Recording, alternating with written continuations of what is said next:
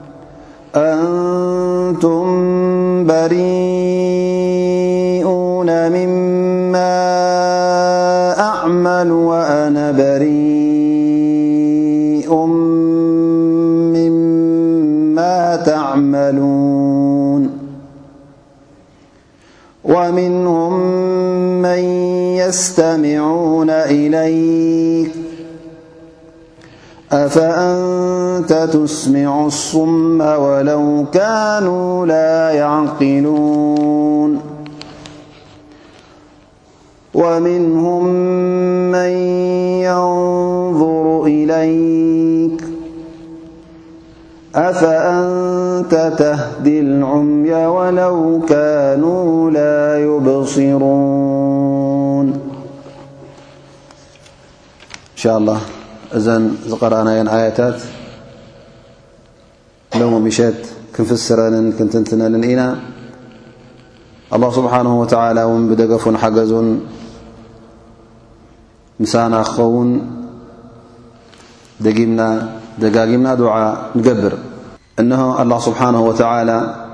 ነቶም መገዲ እተጋገዩ ሙሽርኪን ደጊሙ ደጋጊሙ በብዓይነቱ መርትዖን ጭብጥን እናቕረበ እቲ ሒዞሞ ዘለዉ መገዲ ፍጹም ጎባጥ መገዲ ከም ምዃኑ መገዲ ኮንቱ ከም ምዃኑ እናረጋገጸ ካብቲ ዘለውዎ ጌጋ ተቖጢቦም ናብቲ መገዲ ሓቂ ንኽምለሱ ኣላህ ስብሓንሁ ወተዓላ ደጊሙ ደጋጊሙ ሓበሬታ ይህቦም ኣሎ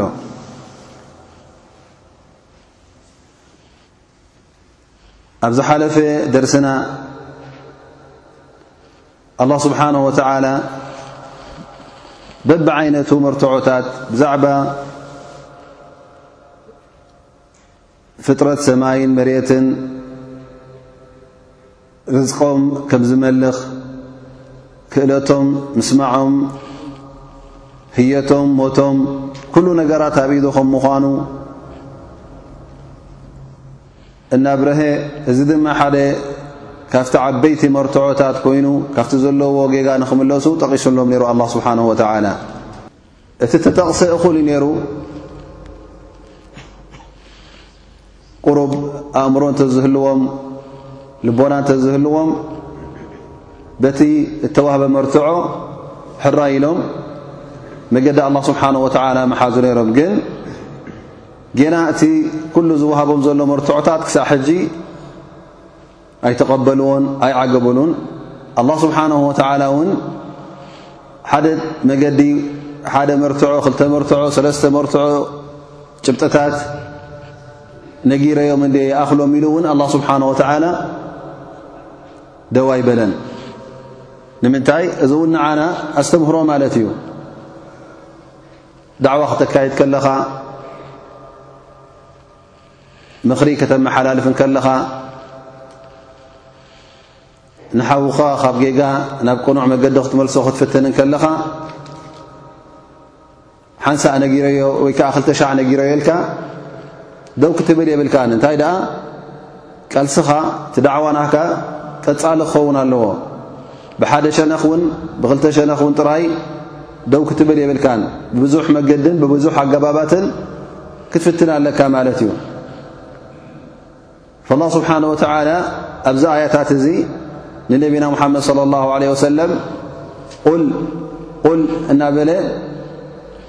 ከምዚ በሎም ኢኻ ከምዚ ኢልካ ኣብርሃሎም ከምዚ ኢልካ ጭብጢ ኣምጻሎም እናበለ ኣላ ስብሓን ወተዓላ ንነቢና ሙሓመድ ስለ ላሁ ለ ወሰለም በዚ ቁርን እዚ መገዲ ኸፊትሉ ማለት እዩ ፈኢዘን እነቢ ስለ ላሁ ለ ወሰለም ንሶም እቶም ኣብነት ኣርኣያ ናይ እቶም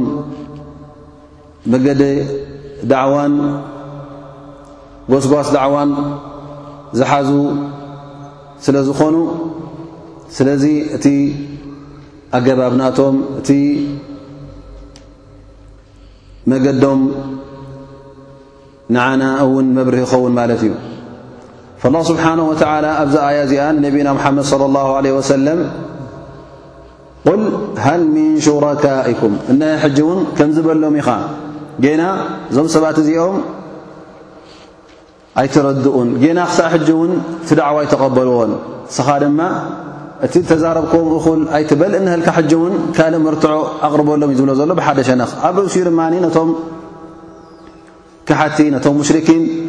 ጽባሕ ንግሆ ንሕና ኣይተረድኣናን ንሕና ውን ሓንሳ ክልተሸዓ ጥራይና ሰሚዕናያ ነርና ኢሎም ምኽኒት ንኸይረኽቡ ኣላ ስብሓን ወተዓላ እውን ምኽኒት ይኸልኦም ኣሎ ማለት እዩ መገዲ ምኽኒት እውን ይዓፅወሎም ኣሎ ላ ስብሓን ወተዓላ በዚ ኣያታት እዚ እቲ ዘረባ እቲ እምነት ናይቶም ሙሽሪኪን ብጣዕሚ ኮንቱ ከም ምዃኑ ምርትዖ ከም ዘይብሉ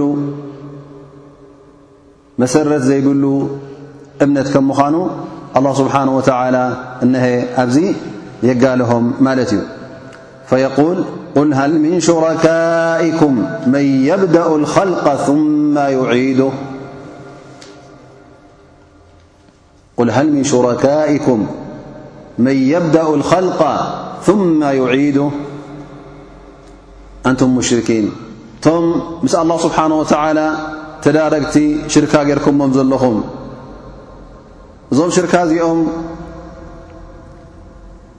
እዞም ተምልኽዎም ዘለኹም ንፍጡር ከም ብሓድሽ ፈጢሮም እንደገና እውን ከም ብሓድሽ ካብቲ ሞቱ ከተስእዎ ይኽእሉ ድዮም ብ ሃ ስዋል ልክዕ ከም ሕቶ ዩ ቐሪቡ ዘሎ ያ ሙሓመድ ከምዚ ኢልካ ሕተቶም እዚ ሕቶ ግን እንታይ ዝሓዘለ እዩ ማለት እቲ ነገር ንምንጻግ ማለት እዩ ፍጹም የለን እዩ ዝብሎ ዞባ ኣላ ስብሓን ወተላ ማለት እቶም ሽርካ ጌርኩሞም ዘለኹም ፍጥረት ክጅምሩ ክፈጥሩ ኣይክእሉን እዮም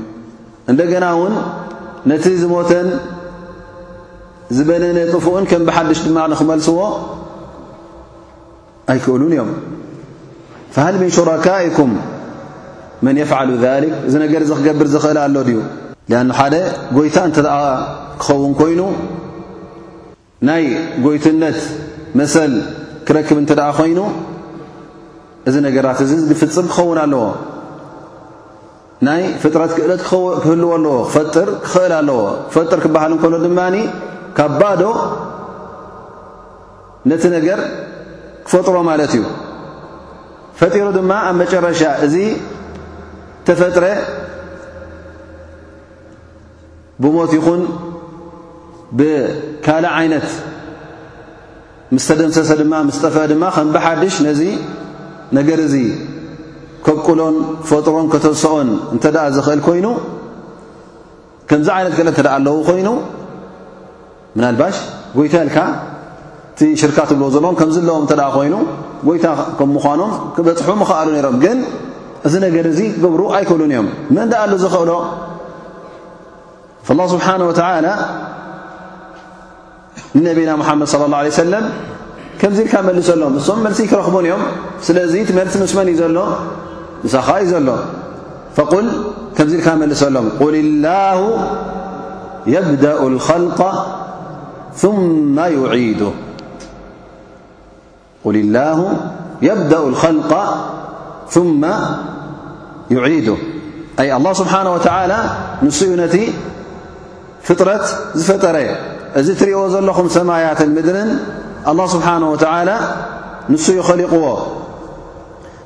እቲ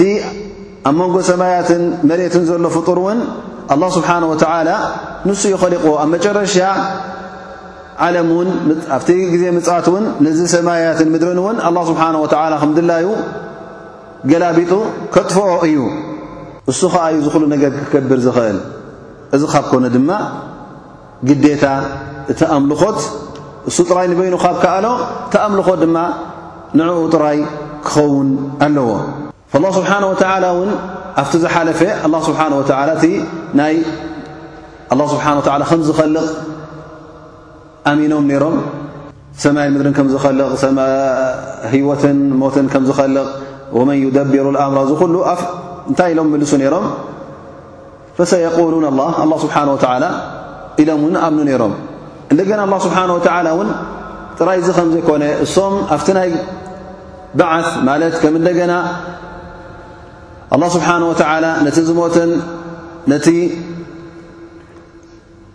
ዝጠፈኣን ከም እንደገና ኣላ ስብሓን ወተዓላ ክርክቦ ከም ዝኽእል ከም እንደገና ክፈጥሮ ከም ዝኽእል እውን የዘኻኽሮም ኣሎ የብዳኡ ልኸልቃ ثመ ዩዒድ ጥራይ ፈጢሩ እውን ስቑኢልካ መጨረሻ ዘይብሉ ስቑኢልካ ተፈጢርካ ብ መጨረሻ ድማ በቲ ዝረኽበካ ናይ ሞት ናይ ካልእ ዓይነት ብኡ ጠፊእካ ብኡ ምጥፋእ ማለት ኣይኮነን እንታይ ደኣ ከም እንደገና እውን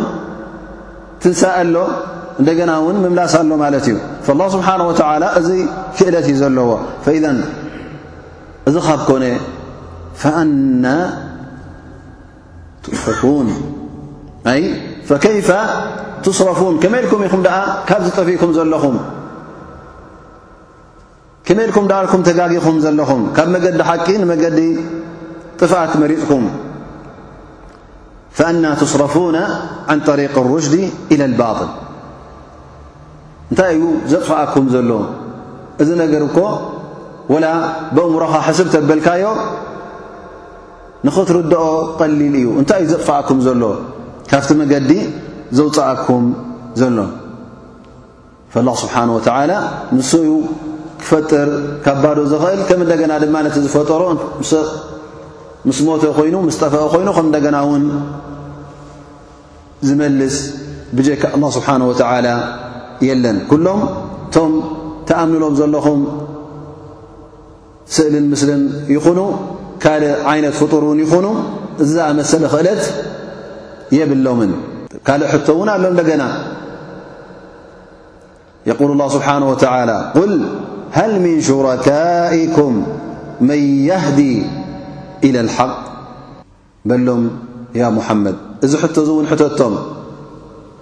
እዚ ሕቶ እውን ካብኦም መልሲ ኣየድልየና ንሕና ከምዘየለ ኢና ንረጋግፅ ዘለና ማለት እዩ ዘሎ ኣላ ስብሓን ወተዓላ ብጀካ ኣላ ስብሓን ወተዓላ ንመገዲ ሓቂ ክመርሕ ዝኽእል የለን ቁል ሃል ምን ሹረካኢኩም መን ያህዲ ኢላ ልሓቅ ፍጹም ካብቶም ንሽርካ ምስ ኣላ ስብሓን ወተዓላ ንኽዳረጉ ኣብ መድረኽ ናይ ኣምልኾት ኣብጽሕኩሞም ዘለኹም እዞም ፍጡራት እዚኦም ብፍጹም ንመገዲ ሓቂ ንኽመርሑ ክእለት ከም ዘይብሎም ንስኹም እውን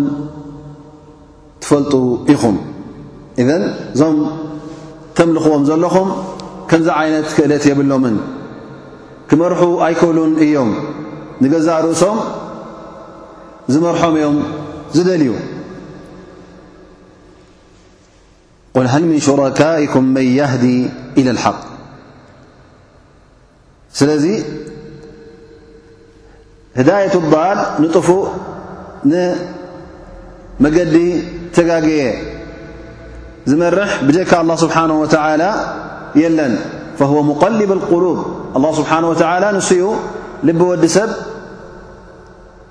እቲ ቀንዲ ነገር እቲ ህዳየት ተውፊቅ እንተ ርእና ኣብ ኢድ መን እዩ ኣብ ኢድ ኣላ ስብሓንሁ ወተላ እዩ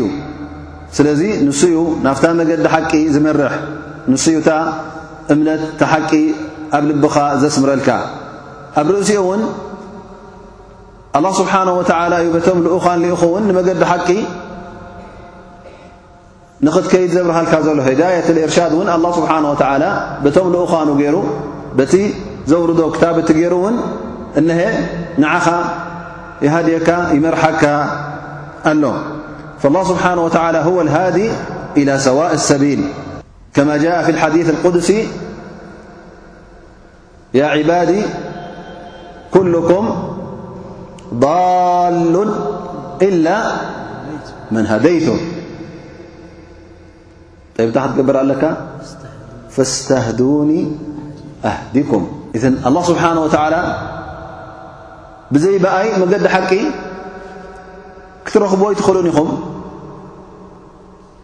ስለዚ ኩላትኩም ጥፉኣት ኢኹም ትቝጸሩ ብጀካ ቶም ኣነ ዝመራሕክዎም ስለዚ እንታይ ክትገብሩ ኣለኩም ካባይ ህዳያ ክትጠልቡ ኣለኩም ካባይ ፈስተህዱኒ ኣይ እጥልቡ ምኒ ኣልሂዳያ ህዳያ ካባይ ሕተቱ ካባይ ጥለቡ ኣነ ድማኒ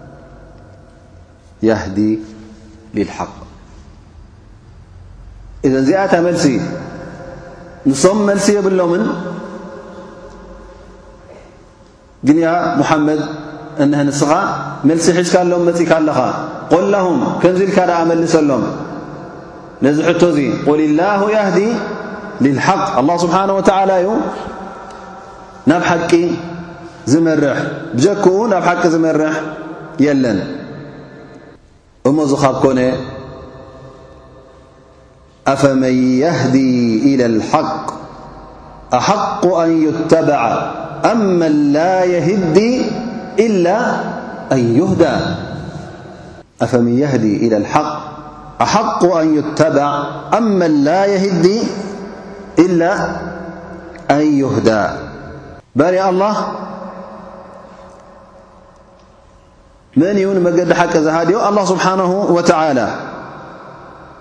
ንሱ እዩ ኸዓ ዓይኑ ዝኸፍተሉ። ስለዚ ነዚ ጐይታ እዚ ንዕኡ እዩ ክኽተል ዘለዎ። ክኽተል እንተ ደኣ ዀይኑ ነቲ ንመገዲ ሓቂ ዝመርሖ ይኽተል ደኣ እምበር ነቲ ንገዛእ ርእሱ ዔሩ ዘሎ ኣይክተልን እዩ። ኣብ ዓዲ ዕውራት እንታይ ይብሉ መን እዩ ዝነግስ ያኸዋና ሓደ ዓይንዎ በዓል ሓደ ዓይኒ ኣብ ዓዲ ዕውራት ይነግስ ስለምንታይ ኣ ሓንቲ ዓይንላ ስለ ዘላቶ ላኪን ንኣብነት ምሉእ ዓዲ ዕውራት ኢልናዮም እሞ ኸዓ ሓደ ኣይኮነን ሓንቲ ዓይኒ ክልተ ዓይኒ ዘለዎ ንኣብነት ነይሩብኡ ኢሎም ንሕና እዚ ክልተ ዓይኑ ንዓና ስለ ዘይመስል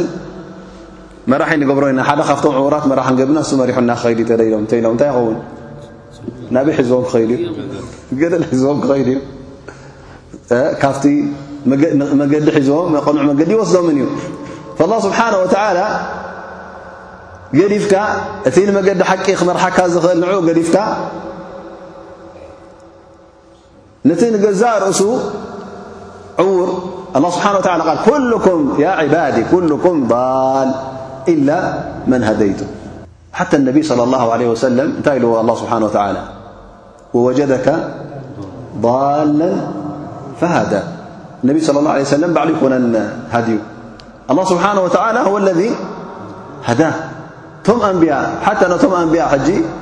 ወላ ንገዛእ ርእሱ እቶም ንዒሳ ዘምልኹ ዘለዉ ወይ ከዓ ንፍጡር ዝኾነ ፍጡር ወዲ ሰብ ሕና ነቲ ስእሊ ንምስሊ ንግደፎ ስእሊ ኮይኑ ወላ ምስሊ ኮይኑ ንገዛእ ርእሱ እምኒ ከም ምዃኑ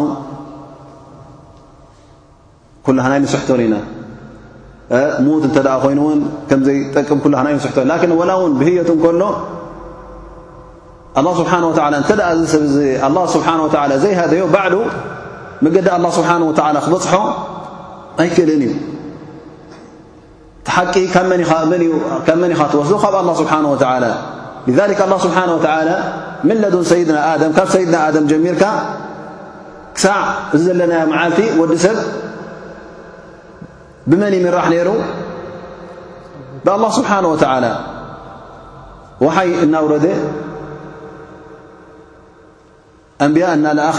ክታብት እናረኣኸ እበር ኣላ ስብሓን ወተላ ክላስ ዝላይኩም ግበሩ ባዕልኹም ፈትኑ ይበለናን እንታይ ደኣ ባዕሉ ኣላ ስብሓን ወተላ እቲ መገዲ ሓቂ የብርሃልና ነይሩ ማለት እዩ ስለዚ ንሕና ነቲ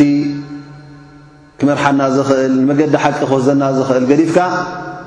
ካልእ ብገደል ንጸድፊ ንገዛእ ርእሱ መገዲ ዘይፈልጥ ንዕኡ ከተምልኽ እንከለኻ እዚ ነገር እዚ ኣላህ ስብሓን ወተዓላ ወላ እውን ምስቲ ሓንጎልና ክርዳእ ዘይክእል ነገር ከም ምዃኑ የብርሃልና ኣሎ ማለት እዚ ነገር እዚ ኣይጋጠምን እዩ ከመይ ጌርካ እስኻ ነቲ ክመርሓካ ዝኽእል ገዲፍካ ነቲ ዕዉር ነቲ ንገዛእ ርእሱ ክምራሕ ዘለዎ ንዕኡ ትኽተል ፍጹም ዘይከውን ነገር እዩ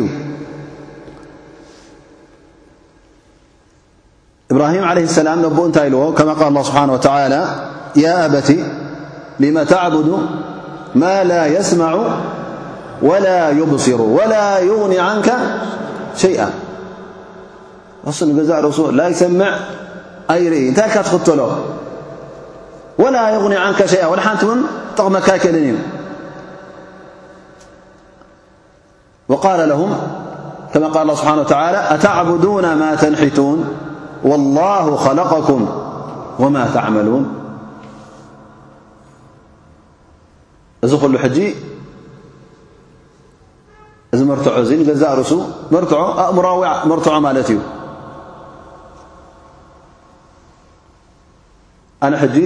ኩላና ከምዚ ዓንተወይ ዝጠቐስናዮ እቲ ዕዉር ኢና ክንመርጽ ተድኣ ኢሎም እዚ ከምዚ ዝብል ነገር የለን ወላ ኣይእመንን እዩ ስለዚ ኣላ ስብሓን ወተዓላ በቲ ክርድእዎ ዝኽእሉ በቲ በእምሮኦም ክበጽሖ ዝኽእሉ መርትዖ ገይሩ እውን ኣላ ስብሓን ወተዓላ ይረድኦም ኣሎ ማለት እዩ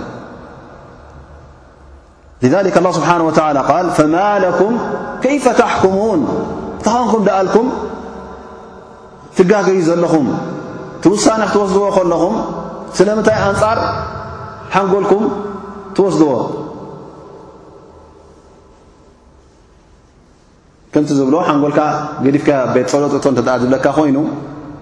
በቃ እቲ ዲን ንገዛእ ርእሱ ኣብ ሓንጎል ዘይኣቱ ዲን ማለት እዩ ላኪን ኣላ ስብሓን ወተዓላ እቲ እስልምና ንገዛእ ርእሱ ምስቲ ኣእምሮዊ ሚዛን ሂቡና ዘሎ ምስኡ ዝገራጩ ኣይኮነን ብፍጹም እንታይ ደኣ ምስኡ ዝቃዶ እዩ ስለዚ ኣላ ስብሓን ወተዓላ እውን ነቲ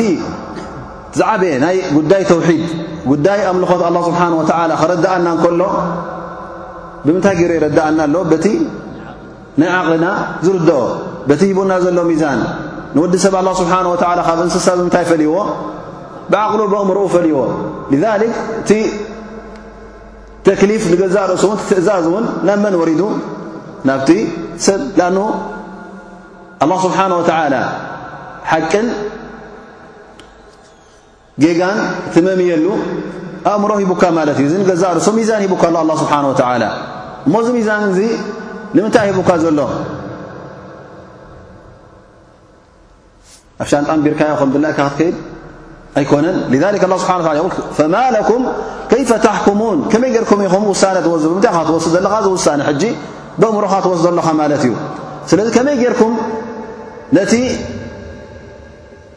መገዲ ሓቂ ክመርሓኩም ዝኽእልን መገዲ ሓቂ ክመርሓኩም ዘይክእልን ክልቲኦም ብሓንቲ ዓይኒ ጌርኩም ትርእዎም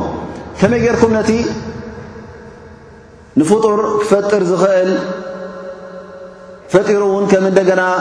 ኣሚቱ እውን ከም እንደገና ከተስኦ ዝኽእል ንዕኡ ገዲፍኩም ነቲ ክፈጥር ዘይክእል ከም እንደገና ውን ከተስእ ዘይክእል ስለምንታይ ንዑ ተምልኹ ኣለኹም ከመይ ጌርኩም ንኽልቲኦም ብሓደ ዓይነት ትርእዎም እሞ ምስ ኣላ ስብሓን ወተዓላ ሽርካ ትገብርዎም እሞ ኣላህ ስብሓን ወተዓላ ሓደነቱ ክትሕልውሉ ኣለኩም ንሱ እዩ መራሒኹም ካብ ጥፍኣት ንሱ እዩ ፈጣሪኹም ንሱ ዩ ፅባሕ ንግሆ ድማ ከም እንደገና ከተንስኣኩም ስለዚ ንዑ ንበይኑ ጥራይ ኣምልኹ ፍፁም ምስ ካልእ ኣምልኾት ክትገብሩ የብልኩምን ናብኡ ጥራይ ተመለሱ ላኪን እዞም ሰባት እዚኦም ኩሉ ግዜ ኣብ ጉዳይ ናይ ዲን ክትከውን ከለካ ቶም ኣብ ጌጋ ዘለዉ ሓንሳ ምስኦም እንተ ደኣ ተኻቲዕካ እውን መብዝሕቲ ግዜ ኣብቲ እግሮኦም ዝብሎም እውን ኣብኡ ኣይኮኑን ዝረግፁ እንታይ ደኣ ናይ ዓጢፋ ኣሎ ናይ ሕብረተሰብ ፀቕጡ ኣሎ ዒናድ እውን ኣሎ ብዙሕ ነገር ኣሎ ስለዚ ቁኑዕ ውሳኔ ይወስዱን እዮም ቅኑዕ ውሳነ ኣይወስዱን እዮም ፈማ ለኩም ከይፈ ታሕኩሙን ሕክሙም ዳእመን እቲ ውሳነ ናቶም ጌጋ ይኸውን ማለት እዩ ምስቲ ኣእምሮኦም ዘይቃዶ ጌጋ ይወስዱ ذ ላ ስብሓን ወላ እዞም ሰባት እዚኦም ክገልፆም እንከሎ እንታይ ይብል ወማ የተቢዑ ኣክርም ኢላ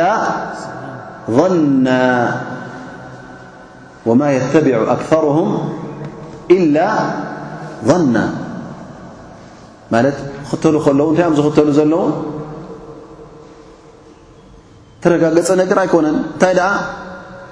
ይመስለና ኢሎም ምናልባሽ ኣቦናን ወለድናን ዘፅንሑልና እዮም እሞ ቅኑዕ ዲ ጌጋ ወላ ፀኒሑና ንወስዶ ኣለና ወላ እሱ እውን ቅኑዕ ከም ዘይኮነ እውን ምናልባሽ ይኣምኖ ኸውን ስለዚ እቲ ዝኽስዕብዎ ዘለዉ ናይ ብሓቂ ጭብጢ ዘለዎ መትከል ኣይኮነን፣ ጭብጢ ዘለዎ እምነት ኣይኮነን፣ ጭብጢ ዘለዎ ወይ ከዓ መርትዖ ዘለዎ ዓቂድ ኣይኮነን። እንታይ ደኣ ጸኒሕዎም ብኡ ሱቕ ኢሉ ይቕጽል ኣሎ ማለት እዩ። ወማ የተቢዑ ኣክثርሁም ኢላ ظና ብላ ደሊልን ወላ ቡርሃን ሓንቲ የብሎምን ኣብ ኢዶም ዘለዎም ጭብጢ የለን እንታይ ደኣ ናይ እቲ ህብረተሰብ ከምኡ ኢሉ ከይዳ ኣሎ ከም ሰብና ከም ሰብካ ምኻት ኩሉ ግዜ እውን ጥፍኣት ትኸውን ግን ንሱ እንታይ እዩ ዝመስሎ ምስ ሰብካ ከም ሸእሙ ከም ሰብና ንዓና ንኩላህና ዝመፀና ይምፃእና ብለካ ላስ ምስ ሰብና እቶ ሞትና ምስ ሰብና ንመውት ብለካ ማለት እዩ ተሞቱ ዓል ሓቅ ወላ ዓል ባጥል መዓል ጀማዓ ራሕማ ብሉ ላ መዓል ጀማዓ ዓል ሓቅ እተ ኮይኑ እዩ ራሕማ ዳኣ እምበር እንተ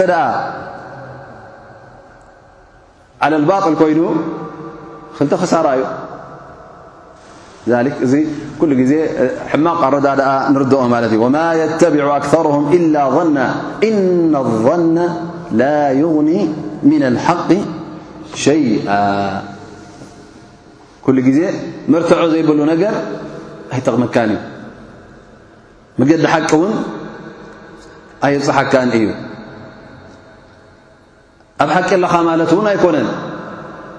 ላ ይغኒ ዓንክ ስለዚ እንታይ ተኸተል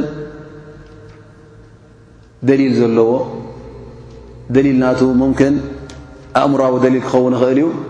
ኣን ላ ስብሓን ወተላ ኣሎ ነገራት ኩሉ ብእምሮ ገይሩ ዘብርሃልና ማለት እቲ ዝሃበና መርትዖ ማለት እዩ ግን ትቐንዲ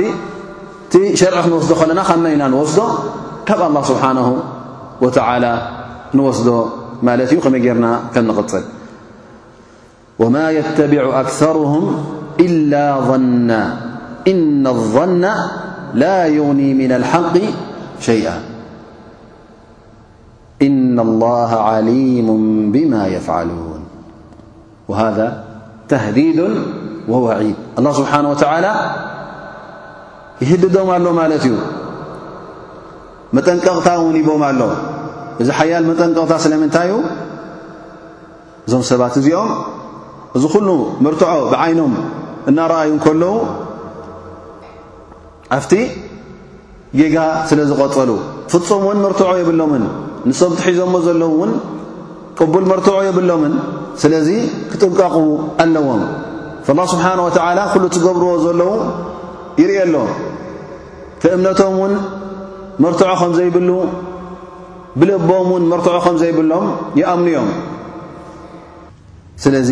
ኣላህ ስብሓን ወተዓላ እቲ ትገብርዎ ዘለኹም ኩሉ ይርዮ ኣሎ እሞ ፅባሕ ንግሆ በዚ ትገብርዎ ዘለኹም ገበን ክቐፅዓኩም ከም ምዃኑ ኣይትረስዑ ኢኹም እዩ ዝብሎም ዘሎ ኢነ ላሃ ዓሊሙን ብማ የፍዓሉን ኣላ ስብሓን ወተዓላ ኩሉ ንገብሮ ሰናይ ይኹን ጌጋ ይኹን እቆጻጸሮ ንፈልጦን ካብ ኮነ እንታይ ማለት እዩ እዙ ካብ ኣላ ስብሓን ወተዓላ ዝሕባእ ነገር ከም ዘየላ ክትኣምን ኣለካ ማለት እዩ እሞ ኸዓ ፅባሕ ንግሆ ክትሕተት ኢኻ ካብኡ ትሓቢእካ ዝገበርካዮ የለን ኩሉ ንኣላ ስብሓን ወተዓላ ጉልህን ብሩህን እዩ ስለዚ ተጠንቀቕ ኣላ ስብሓን ወተዓላ ኣብ ጌጋ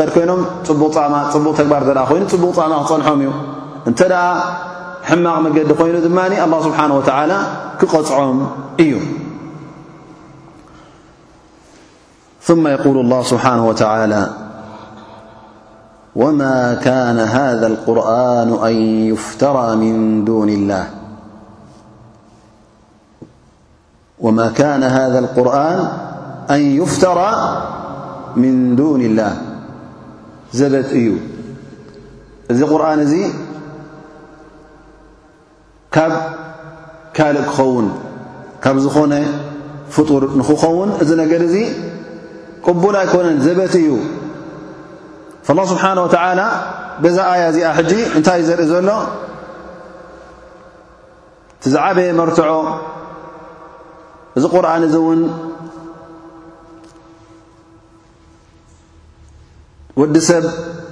ክገብሮ ከም ዘይኽእል ንገዛእ ርእሱ ሙዕጅዝ ከም ምዃኑ ዓብዪ ተኣምር ከም ምዃኑ ኣላ ስብሓን ወተዓላ እንሀብዛ ኣያ እዚኣ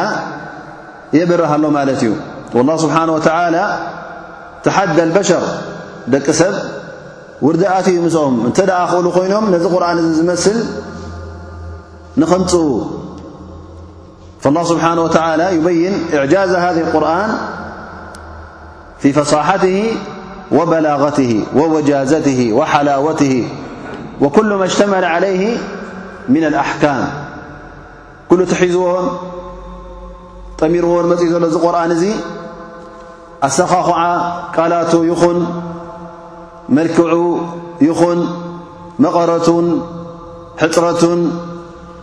ኩሉ እቲ ሒዝዎ ዘሎ ትርጉማት ጠቓሚ ዝኾነ ኣብ ኣዱንያን ኣብ ኣኼራን ከምዝኣመሰለ ቃላት ንኽሰኩዕ ዝኽእል እንተ ኣሎ ኮይኑ ካባኹም እስከ ይምጻእ እዩ ዝብ ዘሎ ኣላ ስብሓን ወተዓላ ብፍጹም እውን ክትገብርዎ ኣይትኽእሉን ኢኹም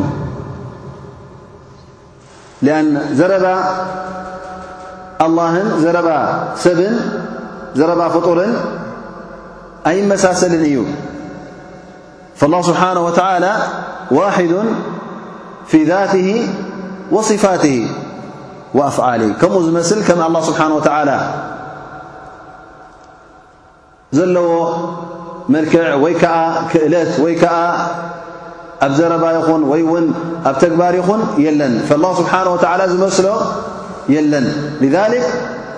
ዘረብኡ ድማ ከላም ላ ስብሓን ወተላ እውን ዝመስሎ የለን ዘርክቦ ውን የለን ذ ቃል ወማ ካነ ሃذ ቁርን ኣን ይፍተራ ምን ዱን ላህ ከምዚ ዝኣመሰለ ብፍጹም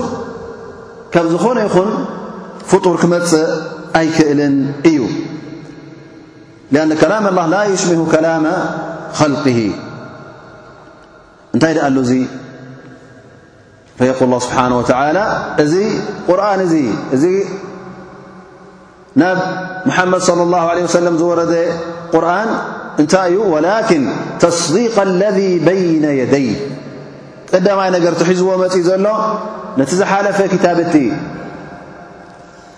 ተውራት ይኹን እንጂል ይኹን ዘቡር ይኹን ካልእ ዓይነት ክታብቲ ዝወረደ እዚ ክታብ እዚ ንዕኡ ከረጋግፅ እዩ መፅእ ዘሎ ንዕኡ እውን ክዕብልል እዩ መፅእ ዘሎ ነቲ ኣብኡ እተረኸበ ውን ናይ ታሕሪፍ ማለት ዘይናቱ ምእታው ናይ ምቕያር ተረኽበ ውን ንኡ ንኸጻሪ ንኡ ንኸብርህ እዩ መጺኡ ዘሎ ኢዘ እዚ ቁርን እዚ ነቲ ዝሓለፈ ክታብቲ ንኡ ትሒዝዎ ዝመጸ መልእኽቲ ቀንድታት ኣረጋጊጹ፣ ነቲ እተረኽበ ምልዋጥን ምቕያርን እውን ንዕኡ ንምብራህን ንዕኡ ንምዕራይን እዩ ወሪዱ እዚ ቁርን እዚ ተስዲق ለذ በይነ የደይህ ወተፍሲል ክታብ ላ ረይበ ፊህ ወተፍሲል ኣልክታቢ ላ ረይበ ፊህ ምን ረቢ ልዓለሚን ከምኡ ውን እዚ ክታብ እዚ ነቲ ኣላ ስብሓን ወተዓላ ዝወሰኖ ውሳኔታት ዝሓገጎ ሕግታት ኣላ ስብሓን ወተዓላ ዘውረዶ ደንብታት ንዑ ንኸብርህ ትሓላል እንታይ ከም ምዃኑ ትሓራም እንታይ ከም ምዃኑ እኹል ዘይጉዱል መግለጺ ንኽህብ እዩ ወሪዱ ዘሎ ላ ረይበ ፊህ እዚ ቁርን እዚ እውን ብፍጹም ጥርጠራ ዘይብሉ ክትጠራጠረሉ ዘይብልካ ካብ ኣላ ስብሓን ወተላ ከም ዝወረደ ከይተጠራጠርካ እቲ ሒዝዎ ዝመፀ መልእኽቲ እውን ከይተጠራጠርካ ማለት እዚ ካብ ኣላ ስብሓን ወተዓላ ከም ዝወረደ ኣሚንካ ኣብ ርእሲኡ ድማ ከተተግብሮ ከለኻ ብዘይ ጥርጥር ጠቓሚኻ ከም ምዃኑ ደኣ እምበር ንዓኻ ከም ዘይጐድእ ኣዱንያኻን ኣኺራኻን ከም ዝዐርየልካ ምስቲ ክእለትካን ምስቲ ንብረትካን ዝቃዶ ከም ምዃኑ እውን ከይተጠራጠርካ ክትቅበሎ ከም ዘለካ እዩ ዝሕብር ዘሎ ላ ረይበ ፊሂ ምን ረቢ ዓለሚን ካብ ሓደ ጎይታኻ ካብቲ ጎይታ ዓለም ካብቲ ፈጣሪ ዓለም ዝወረደ እዩ እሞ እንተ እዚ ቁርን እዚ ካብኡይ ኮነን ትብሉ ኣለኹም ኣም የቁሉን ኣፍተራ እንታይ እዮም ዝብሉ ዘለዉ እዞም ክሓት እኮ ሙሓመድ صለ ላሁ ለ ወሰለም ባዕሉ ዩ ነዚ ቁርን እዚ ኣምፅዎ ባዕሉ ዩ ሰኺዕዎ ዘረባናት እዮም ዝብሉ ዘለዉ እንተ ደኣ እዚ ኮይኑ እቲ እምነትኩም እንተ ደኣ እዚ ኮይኑ ዘረባኹም ነቲ ቁርኣን ዘይመቐበሊኹም እዚ እንተ ደኣ ኮይኑ እሞ ንሙሓመድ صለ ላሁ ዓለ ወሰለም ኩላኩም ትፈልጥዎ ኢኹም ከማኹም ሰብ እዩ ከማኹም ሰብ እዩ ካብ ኣቦናደን እዩ ተወሊዱ ምሳኹም እውን ነይሩ ካብ ኣብ ሓደ ዓዲ ኹም ድማ ምስ ዓቢኹም እንታይ ከም ተማህረ እንታይ ዓይነት ትምህርቲ ኣለዎ መሃይም ከም ምዃኑ ኩሉ ትፈልጡ ኢኹም ክፅሕፍ ከም ዘይኽእል ከንብብ እውን ከም ዘይኽእል እውን ምሳኹም ዩ ነይሩ ተሓቢኡ ይነበረን ካብታ ዝውለደላ መዓልቲ ንገዛእ ርእሱ እታ መካ ከም ዝዓበየ ካብኣ ከም ዘይወፀ እውን ኩሉ ትፈልጡ ኢኹም እሞ እሱ ድዩ ፅዎ ተብሉ ዘለኹም እዚ ክታብ እዚ እሞ እንታይ ደኣ ካብኦም ስካብኡ ሰኒፍኩም እስኹም ከማኹም ዘይኮነን እዩ ኣም የቁሉን ኣፍተራ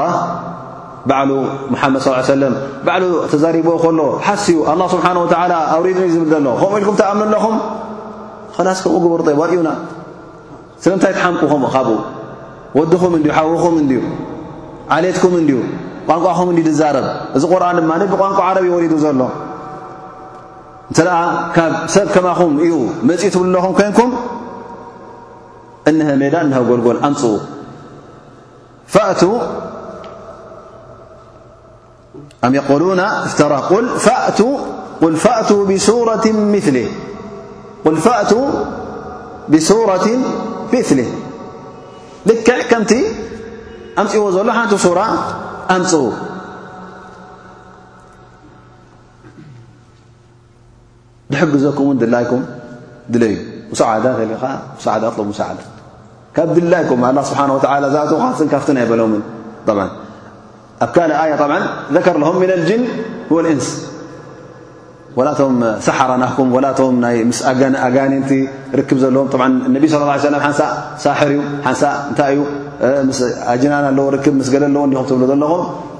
ኸላስ ንስኹም እታ ናቱ ድላይኩም ከምቲ ትብልዎ ዘለኹም ይኹነልኩም ግን ከምታ ዝገበራ እስኪ እሱ ገይርዋ ኮይኑ ልክዕ ከምታ ናቱ ግበሩ እዩ ዝብሎም ዘሎ ኣላ ስብሓን ወተላ ወስተዒኑ ብመን ሽእቱም ምን ልጅኒ ወልእንስ ካብ ኩሉ ድላይኩም ኣምፅኡ ዝሕግዘኩም ድለ እዩ ወድዑ መን ስተጣዕቱም ምን ዱን ላህ ኣላ ስብሓን ወተላ ክገብሮ ክእል እዩ ምን ዱን ላ ካልእ ድለ እዩ ኣን ላ ስብሓ ላ ኣይኮነን ኢኹም ትብሉ ዘለኹም ስለዚ ካልእ መላኢካ ይኹን ጅኒ ይኹን ሰብ ይኹን ካብ ዓሌትኩም ይኹን ካብ ካልእ ዓይነት ይኹን ካብ ኩሉ ኣምጽኡ እን ኩንቱም ሳዲቂን ሓቀኛታት እንተ ደኣ ኮንኩም እነሀ ሜዳ እነሀ ጎልጎል እዚ ውርዲ ነዚ ውርዲ እዚ እንተ ክትጥሕስዎ ትኽእሉ ኮይንኩም ንዑ ከምቲ መሓመድ صለ ه ሰለ ገይርዎ ትብሉ ዘለኹም ከምኡ ግበሩ ብ ኣላ ስብሓን ወተላ እዚኣ ቀዳመይቲ ተሓዲ ቀዳመይቲ ውርዲ ኮነትን ቅድሚ ሕጂ እውን ኣላ ስብሓን ወተላ ሰለስተ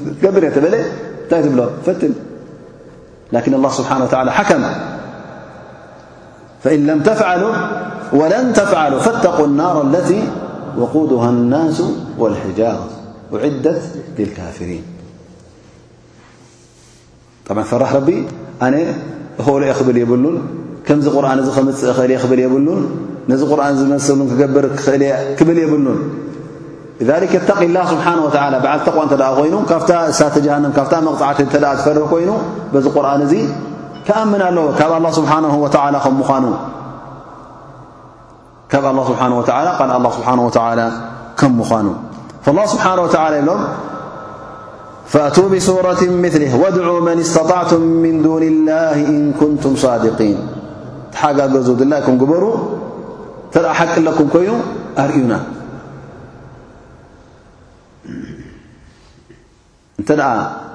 ከምቲ ትብሎ ዘለኻ ነቢ ስ ሰለም ባዕሉ ዩ ሕጂ ክሳዕ ሕጂ እውን ኣሎ ክሳዕ ሕጂ ዝብሉ ኣለዉ እዚ ቁርን እዚ መን ይምፅዎ መሓመድ ዩ ባዕሉ ፅሒፍዎ ዝብሉ እውን ኣለዉ ወሃደ ተሓዲ ለሁም እሞ ከም መሓመድ ዳእየ መፅሓፍ ዘይ ትገብር መፅሓፍ ጌርካ ክላስ ክንዲ ሰዓብቲ ናይ ሰይድና መሓመድ ሰዓብቲ ትግበር እንተ ሓቀኛ ኮይንካ ኩላና መን ኣሎ ከም ሰይድና መሓመድ ስ ሰለም ሰዓብቲ ክረክብ ዝደሊ ነቢ ስለ ላ ሰለም ካብ ግዜ መን እዩ ካብ ሽ ኣባተ ት ዓመት ዝያዳ ኣብ ዕስራ ሰለስተ ዓመት መሬት ኩላ ገምጢልዋ ነቢ ስለ ላ ሰለም ኩሉ ጥራይ ልቢ ሰብን እቲ መሬትን ኩሉ ተቐይሩ እሞ እዚ ክትገብር ተ ኮልካ ኣርእየና ሃ የስተጢዕ ኣበደን ነዚ ነገር እዚ ክገብር ዝኽእል የለን ላ ስብሓን ወተላ እዞም ዓረብ ንገዛእ ርእሶም ክእለት ናይ ዘረባ ነይርዎም ኣሰኻኹዓ ናይ ቃላት ዝኽእሉ ነይሮም ግጥምታት ነይርዎም፣ ብግጥምታት እውን ሕሉፍ ክእለት እዩ ነይርዎም ማለት እዩ፣ እግደስሉ እውን ነይሮም ማለት እዩ። እቲ ዝበለፀን መልክዐን ዝበርትዐን ግጥምታት ኣብ ካዕባ የንጠልጥልዎ ነይሮም ምኽንያቱ ክብሪ ስለ ዝነበሮ ማለት እዩ ላ ስብሓን ወተዓላ ምዝ ኹሉ ክእለቶም ምዝ ኹሉ ናይ ዘረባን ናይ ቃላትን ክእለቶም ኣብዚ ነገር እዚ ከም ዝፈሸሉ ይርእየና ኣሎ ማለት እዩ ንገዛእ ርእሶም ገለ ካብኣቶም እውን በቲ ቁርን እቶም ዝኣመኑ እዚ ዘረባ እዚ ካብ ሰብ ከም ዘይምዃኑ ምስ ተረጋገጹ እውን ኣሚኖም ገሊኦም እውን ኒሕ ሒዝዎም እናፈለጡ ከለዉ እዚ ቁርን እዚ ግጥሚ ኮነ ካልእ ዓይነት ዘረባ ኣይኮነ እዚ ዘረባ እዚ ፍጹም ዘረባ ሰብ ከም ዘይመስል ባዕሎም ብመልሓሶም እናመስከሩ ከለዉ ግን ንሒዞ መታ ናፍታ ዝነበራ መርገጽ ከምቦኣ ጽባሕ ንጎ ኣነ ሕጂ ኣብዚ ዕድመ ዝበጺሐ ቃለይ ዶ ክቕይር ኮይነ እምነተይ ዶ ክቕይር ኮይነ እንታይ ክብለኒ ሰብ ኣብዚ ዕድመ እዚ በጺሐ ዶ ማዕተበይ ክበትኽ ኮይነ እዩ ከ ስቕልካ ብናይ ሰብ ንኸይብሎ ነብሱ የጥፍእ ማለት እዩ እንተ ደኣ ሓቂ ተረዲኡካ እንተ ደኣ እቲ መገዲ ሓቂ ፈሊጥካዮ ወላ እውን ወዲ ተስዓ ዓመት ኩን ስለምንታይ ኣብቲ ጌጋ ዝበርካ እየ ትቕፅል ጌጋ እንተ ደኣ ኮይኑ ክትቅፅል የብልካን ን ጌጋ ኩሉ ግዜ ጌጋ እዩ ስለዚ ኣብ ዝበጻሕካዮ ዕድመ ካብቲ እንተ ጌጋ ምሉእ ዕድሜኻ ትገብሮ ኔርካ ከተዕርዮ ኣለካ እሞ ኣነስ እዚ ኩሉ ገይረ እሞ ሕጅስ እንታይ ኸላስ ብኣ ጥፍኣተይ ይጥፋእ ኢልካ እዚ ኣእምሮ ዘይቅበሎ ይኸውን ማለት እዩ ላ ስብሓን ወተዓላ እውን ኩሉ ግዜ እቲ ተኣምር ክልእኽ እንከሎ እውን እንተ ኣብቲ ታሪክ ናይቶም ኣንብያ እንተ ርእና እውን እቲ ዝመጽእ ዝነበረ ተኣምር ምስቲ ግዜ ዝቃዶ እዩ ነይሩ ማለት እዩ እቶም ዝኣምኑ እውን ሽዑ መን እዮም ምኾኑ ማለት እዮም ነቲ ጉዳይ ብዝያዳ ዝፈልጥዎ ኣብ ግዜ ንኣብነት ኣብ ግዜ ነቢና ሙሳ ዓለ ሰላም ብዝያዳ እንታይ እዩ ነይሩ እቲ ግዜ እቲ ናይ ስሕር ነይሩ ማለት እዩ ስሕር ብርቲዑ ነይሩ ማለት እዩ ብጣዕሚ ኣብቲ ግዜ እቲ ዝውቱር እዩ ነይሩ ማለት እዩ እዞም ሰሓራ እቶም ጠበብቲ ነታ ዓለም ሽዑ ነቲ ህብረተሰብ እሶም እዮም ከም ድላዮም ዝላገፅሉን ድላዮም ገማጥልዎ ነይሮም ማለት እዩ እሶም እዮም ቲ ንግስነት ዳርጋ ብ ኢዶም ነይሩ ማለት እዩ ኩሉ ሰብ ብኦም ጥራይ ዝኣምን ነይሩ ነጋውስቲ ኮይኖም ወላ እቲ ተራ ሰብ ስለዚ ነብላ ሙሳ ምስ መጸ ኣብ ቅድሚኦም ውን ነቲ ናቶም ዝመስል ተግባር ንበትሪ ናብ ተመን ቀይሩ ከም ዝኣመሰለ ተግባር ሕጂ መን እዮም ዝገብርዎ ነሮም እቶም ጠበብቲ እቶም ሰሓራ እዮም ዝገብሩ ነሮም ማለት እዩ ፈብ ቅድሚኦም ከምቲ ናቶም ተግባር ክትሪኦ ከለካ ከምቲ ናቶም ተግባር እዩ ዝመስል ከምኡ ምስ ገበረ መጀመርያ ነዚ ነገር እዚ መን ኣለልይዎ እቶም ሰሓራ ንገዛእ ርእሶም ምኽንያቱ ስሕር ንገዛእ ርእሱ ፈልጥዎ እዮም እዛ ዝርእዋ ዘለዉ ግን ሓቂ እያ ስሕር ኣይኮነትን ያኒ ስለዚ መን ኣሚኖም መጀመርያ ንገዛእ ርእሶም እቶም ሰሓራ ኣሚኖም ሰብ ግዜ ነቢና መሓመድ صለ ላه ለ ሰለም እውን ግዜ ናይ በላغ ናይ ፈሳሓ ናይ ክእለት ዘረባን ናይ ክእለት ኣስኻኹዓ ቃላትን ስለ ዝነበረ ነቲ ቁርን እቲ ምስ ሰምዑ ብዙሓት ኣሚኖም ማለት እዩ በቲ ናይ ዓቂዳ ብኡ ዓጊቦም ዘይኮኑ እቲ ዘረባ ንገዛእ ርእሱ ከሎ ስሒብዎም ማለት እዩ። ኣብ ገለ ገለ መሓደራት ን ገለ ሰሚዕኩም ትኾኑ ሓድ ሓደ ግዜ የብለካ ክቀርኡ ከለዉ ቁርን ወላ እቲ ዘይ ኣስላማይ ንገዛእ ርእሱ እቲ ቁርን ፍልይ ዝበለ ቃና ከም ዘለዎ ፍሉይ ዝበለ መቐረብ ከም ዘለዎ ይርዳእ ማለት እዩ ይስሕቦ ቁርን ክሰምዕ ከሎ ብ ሓሓስያ ቁርን ክሰምዕ ከሎ ወላ እቲ ዘይ ኣስላማይ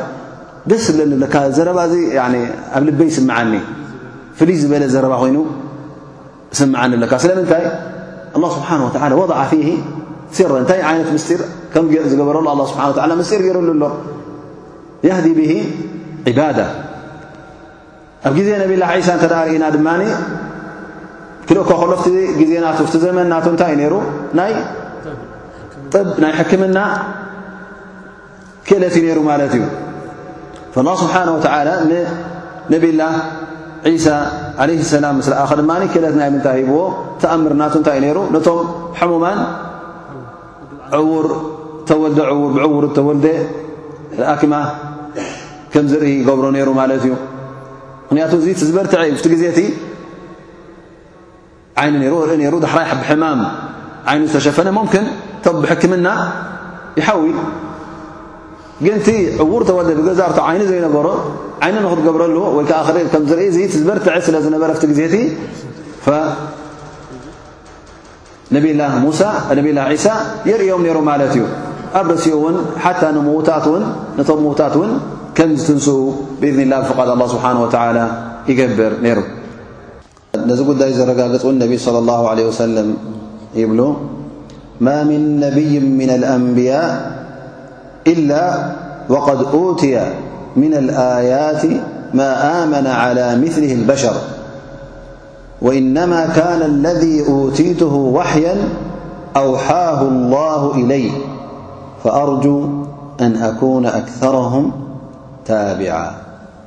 ነቢ صለ ላሁ ለ ሰለም ይብሉ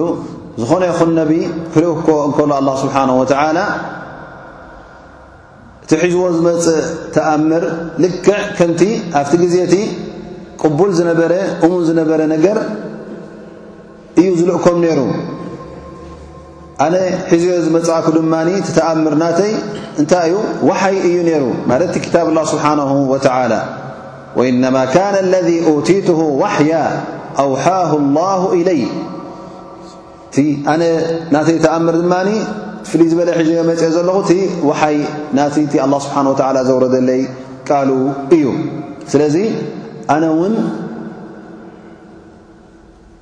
ካብቶም ወይ ከኣ እቲ ዝበዝሐ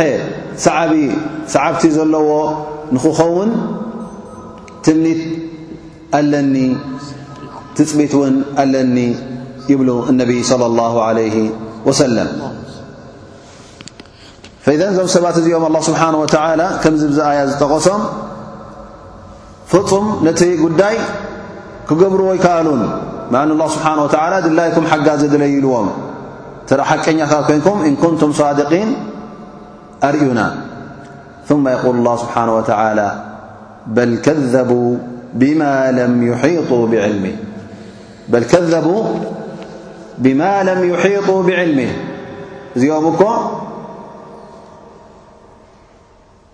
ነቲ ዘይፈልጥዎ ነቲ ክርድእዎ ዘይከኣሉ ብኡ ዮም ነጺጎሞ ዘለዉ እዞም ሰባት እዚኦም ነቲ ቁርን ሓቂ ይኮነን ኢሎም ክነጽግዎ ከለዉ ስለ ዘይተረድእዎን ስለ ዘይፈለጥዎን እዮም ትሕዝትኡ ኣይፈለጥዎን እንታይ ሒዙ ከም ዝመፀ እንታይ ከም ዘለዎ ጠቓሚኦም ከም ምዃኑ ኩሉ እቲ ሒዝዎ ዝመፀ እቲ ሓዚለዎ ዝመፀ ስለ ዘይፈለጥዎ ዮም ደኣ እምበር ፈሊጦምዎ እንተዝኾኑ ነይሮም ከምዚ ገይሮም ኣይመተጋገዩን በል ከዘቡ ብማ ለም ይሒጡ ብዕልሚ ኣብኡ ከሎ ብርሑቕ ነጺጎሞ እምበር ከምቲ ግቡእ ነዚ ነገር እዚ ፈሊጦሞ ነይሮም ተዝኾኑ ኣስተውዒሎምሉ ነይሮም ተዝኾኑ ክንጸግ ዘይግባእ እዩ ነይሩ ምኽንያቱ እዚ ቃል እዚ ቃል ሰብ ኣይመስልን እዩ እዚ ዘረባ እዚ ዘረባ ሰብ ኣይመስልን እዩ ትሕዝቶ ናቱ ቀሊል ትሕዝቶ ኣይኮነን ሰብ ከምጽኦ ዝኽእል ትሕዝቶ ኣይኮነን ስለዚ ንዑ ተረዲኦም እንታይ እዮም ገበሩ ነይሮም ናብ ሓቂ ናብ ሰናይ ናብቲ እምነት ምኸዱ ነይሮም ወለማ የእትህም ተእዊሉ ከምኡ ውን እዞም ሰባት እዚኦም እቲ ኣብኡ ዘሎ ተእዊሉ ብ ክልተ ዓይነት ትርጉም ሂቦም ላ ዑለማ ማለት እ ለማ የእትህም ተእዊሉ ቃሉ ለማ የእትህም ዓዛቡ ስቅያት ናቱ ማለት እቲ ኣላህ ስብሓን ወተዓላ ነዞም ሰባት እዚኦም እንተ ደኣ ዘይኣመኑ ክቐጽዖም ከም ምዃኑ ጠቒሱሎም ነይሩ እሞ ንዑ ድኦም ዝጽበዩ ዘለዉ ሽዑ ንክኣምኑ ወለማ ያእትም ታዊሎ ወቕሳ ሕጂ ኣይመጾምን ኣሎ እቲ ስቓይት መቕጻዕቲ ኣላ ስብሓን ወተዓላ ዝሃደዶም እሞሱ ድዩ ዘይመእመን እኦም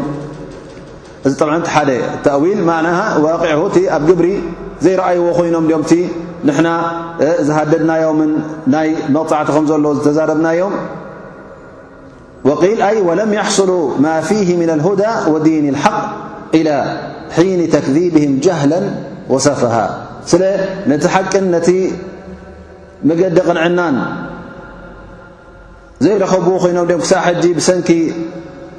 ድንቁርንኦም ብሰንኪ ተዓኑት ናቶምን እዞም ሰባት እዚኦም ልክዕ ከምቶም ዝሓለፉ ካሓቲ እዮም እዚ ነገር እዚ ሓድሽ ኣይኮነን እቶም ቅድሚኦም ዝነበሩ ኣባሓጎታቶምን ቅድሚኦም ዝነበሩ ኣንብያ ዝለኣኽናሎም ሰብ እውን ነዚ ንጌጋ ናቶም እውን ተጋግዮሞ እዮም ከምኦም እዮም ኣ ዝፍፅሙ ዘለዉ ከሊከ ከዘበ ለذነ ምን ቐብልህም እተን ዝሓለፈ እማታት እውን ክጋገዩ ከለዉ ነቲ መልእኽቲ ኣላ ስብሓን ወተላ ክነፅጉ ከለዉ ከምኦም ስለ ዝኾኑ እዮም ስለዚ እዚ ሓድሽ ነገር ኣይኮነን ኣብ ደቂ ሰብ ወዲ ሰብ ኩሉ ግዜ ቁርን ኣያታት ልኡኻን ክልኣኹ ከለዉ ነዚ ነገር እዚ ነጽግ ነይሩ ስለዚ እዚኦም እውን ከምቲ ናቱ እዮም ዝጋገዩ ዘለዉ ከምቲ ጌጋ ዝሓለፈ ጌጋ እንደገና ኣስተምህሮ ወይ ከዓ በቲ ዝሓለፈ ጌጋ በቲ ዝሓለፈ ገበን ኣይተምሃሩን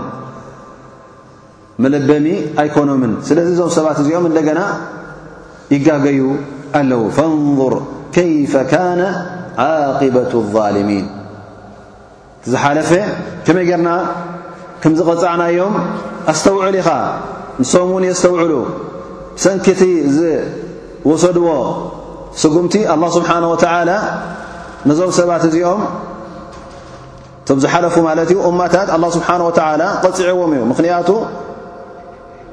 ነቲ ኣላ ስብሓን ወተዓላ ዘውረዶ ኣያታት ነቲ ኣላ ስብሓን ወተዓላ ነቶም ኣላ ስብሓን ወተዓላ ዝለኣኾም ልኡኻን ነፂጎሞም ክነፅጎም ከለዉ እውን መርትዖ ኣይነበሮምን እንታይ ደኣ ظልመን ወዕሉዋ ዓመጽን ትዕቢትን ሒዝዎም እዩ። ክሕደት ስለ ዝመረጹ፣ ዒናድ እምቢታ ስለ ዝገበሩ ደናቑር ስለ ዝኾኑ እዮም። እቶም ቀዳሞት ተጋግዮም ከምዚ ጌርና ቀጺዕናዮም እሞ ልክዕ ንዕኦም ኣይትምሰሉ ተጠንቀቑ፣ ከምቲ ንዕኦም ዝረኸበ እውን ንኸይረኽበኩም። ፈንظር ከይፈ ካነ ዓቂበቱ ዛልሚን እቶም ዝሓለፉ ከመይ ከም ተቐፅዑ ንዕኦም ረአ እሶም መለበሚ ይኹንኩም እቲ ናቶም ጌጋ እውን ከም እንደገና ኣይትድገምዎ ፈንظር ከይፈ ካነ ዓቂበቱ ዛልሚን እቲ ዘጓንፎም መቕፃዕቲ ከምኡ ንኸየጓንፈኩም ተጠንቀቑ እዩ ዝብል ዘሎ ኣላ ስብሓንሁ ወተዓላ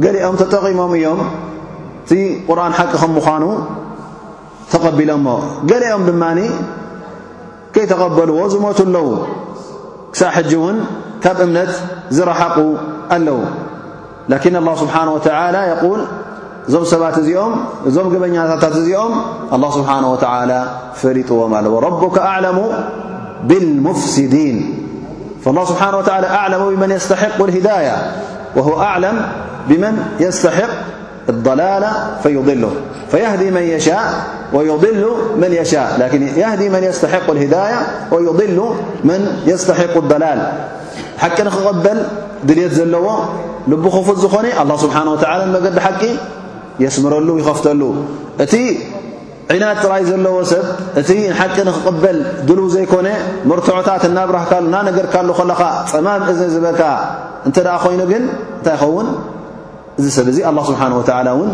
ጥፍኣት ካብ መረፀ ብኡ ገይሩ የጥፍኦ እዩ ላ ስብሓን ወተዓላ ሁወ ልዓድል በዓል ፍትሒ እዩ ስለዚ ፍፁም ንዝኾነ ይኹን ሰብ ኣይዕምፅን እዩ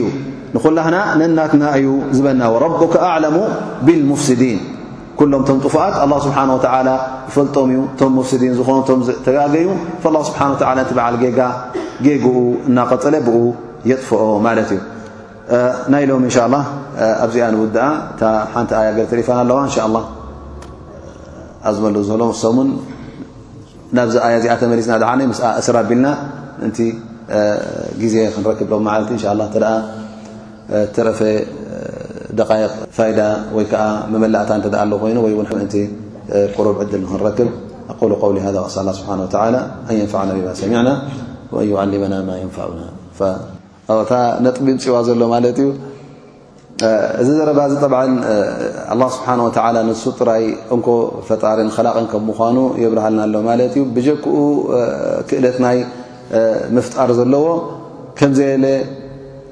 እዚ ነገር እዚ ነቶም ኣብ ግዜ ቁሬሽ ዝነበሩ ወይ ኣብ ግዜ ነቢና ሙሓመድ ዝነበረ ንዕኦም ጥራይ ኣይኮነን እንታይ ደኣ እዚ ጉዳይ እዚ እውን ቀጻሊ እዩ ክሳዕ ዮም ኣልቅያማ ወላ እውን ገለገለ ኣብ ኦሮጳ ኮይኑ እቶም ምሁራት ወዲ ሰብሲ ጸኒሑ ድሕሪ ክንደይ ዓመታት ሰብ ንኽፈጥር ወይ ከዓ ሰብ ንኽኸልቕ ክእለት ክህልዎ ኢሎም ምናልባሽ ነዚ ነገር እዚ የዘውትሩ ይኹኑ ደኣ እምበር እዚ ነገር እዚ ወላ እንተተዛረቡሉ ወላ እውን እንተፅመሙና ኩሉ ግዜ እንተሰማዕናዮስ ክንቅበሎ የብልናን ቅጭጭ እውን ክብለና የብሉን ምክንያቱ ንሕና ንመን ኢና ንኣምን ንኣላ ስብሓን ወተላ ኣላ ስብሓን ወተላ ድማ እቲ ናይ ኸልቂ ጉዳይ ናይ ምፍጣር ጉዳይ ኣነ ጥራይ በይነ እየ ዝፈጥር ስለ ዝበለና ምስኡ ካልእ ዝፈጥር ከም ዘይመጽእ ከም ዘየለ እውን ክንኣምን ኣለና ማለት እዩ ቅድሚ ሕጂ ይነበረን ድሕሪ ሕጂ እውን ኣይክህሉን እዩ ባረከላ እወ እተን ነጥብታት ቐንድታት ዝሓዝና እየን ይብል ሎም መዓልቲ ቀዳማይ ነገር ኣላ ስብሓን ወተዓላ ንዓና እዚ ሕጂ ተውጂህ ወይ ከዓ መምርሒ ሂቡና ማለት እዩ ከመይ ጌርና ንሰብን ከነረድኦ ከም ንኽእል ነቲ እስልምና ከነረድኦ ከለና ምናልባሽ እንተ ጌና ኣብ ክሕደት ኣሎ ኮይኑ ብቁርን ክትዛረቦ እተ መፅእካ ገዛ ኣሰብቲ ቁርን ቃል ኣላ ስብሓን ወተላ ከም ምኳኑ ኣይኣምን እዩ ስለዚ ቃል ላ ካል ረሱል ተልካዮ ቀዳማይ ነገር እቲ ቁርን ገዛ ርእሱ ናይ ኣላ ከም ምኳኑ ስለዘይኣምን ሕራይ ሉ ይቅበሎን እዩ ስለዚ ኣላህ ስብሓን ወተዓላ እውን ነቶም ቁሬሽ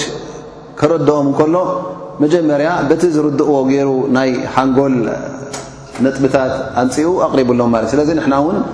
ነዚ ነገር እዚ ክንጥቀመሉ ኣለና ይብል ማለት እዩ ካብኡ ንብሓንጎሉ እንተ ተቐቢልዎ እቲ ጉዳይ እና ቐፀልካ ኣበይ ትበፅሕ ማለት እዩ ኣብቲ ዘድሊ ነጥቢ ኣብቲ ቃል ላ ቃል ረሱል ትበፅሕ ማለት እዩ إن شاء الله درسنا بز دمدم وصلى الله على نبينا محمد وعلى آله وصحبه وسلم أجمعين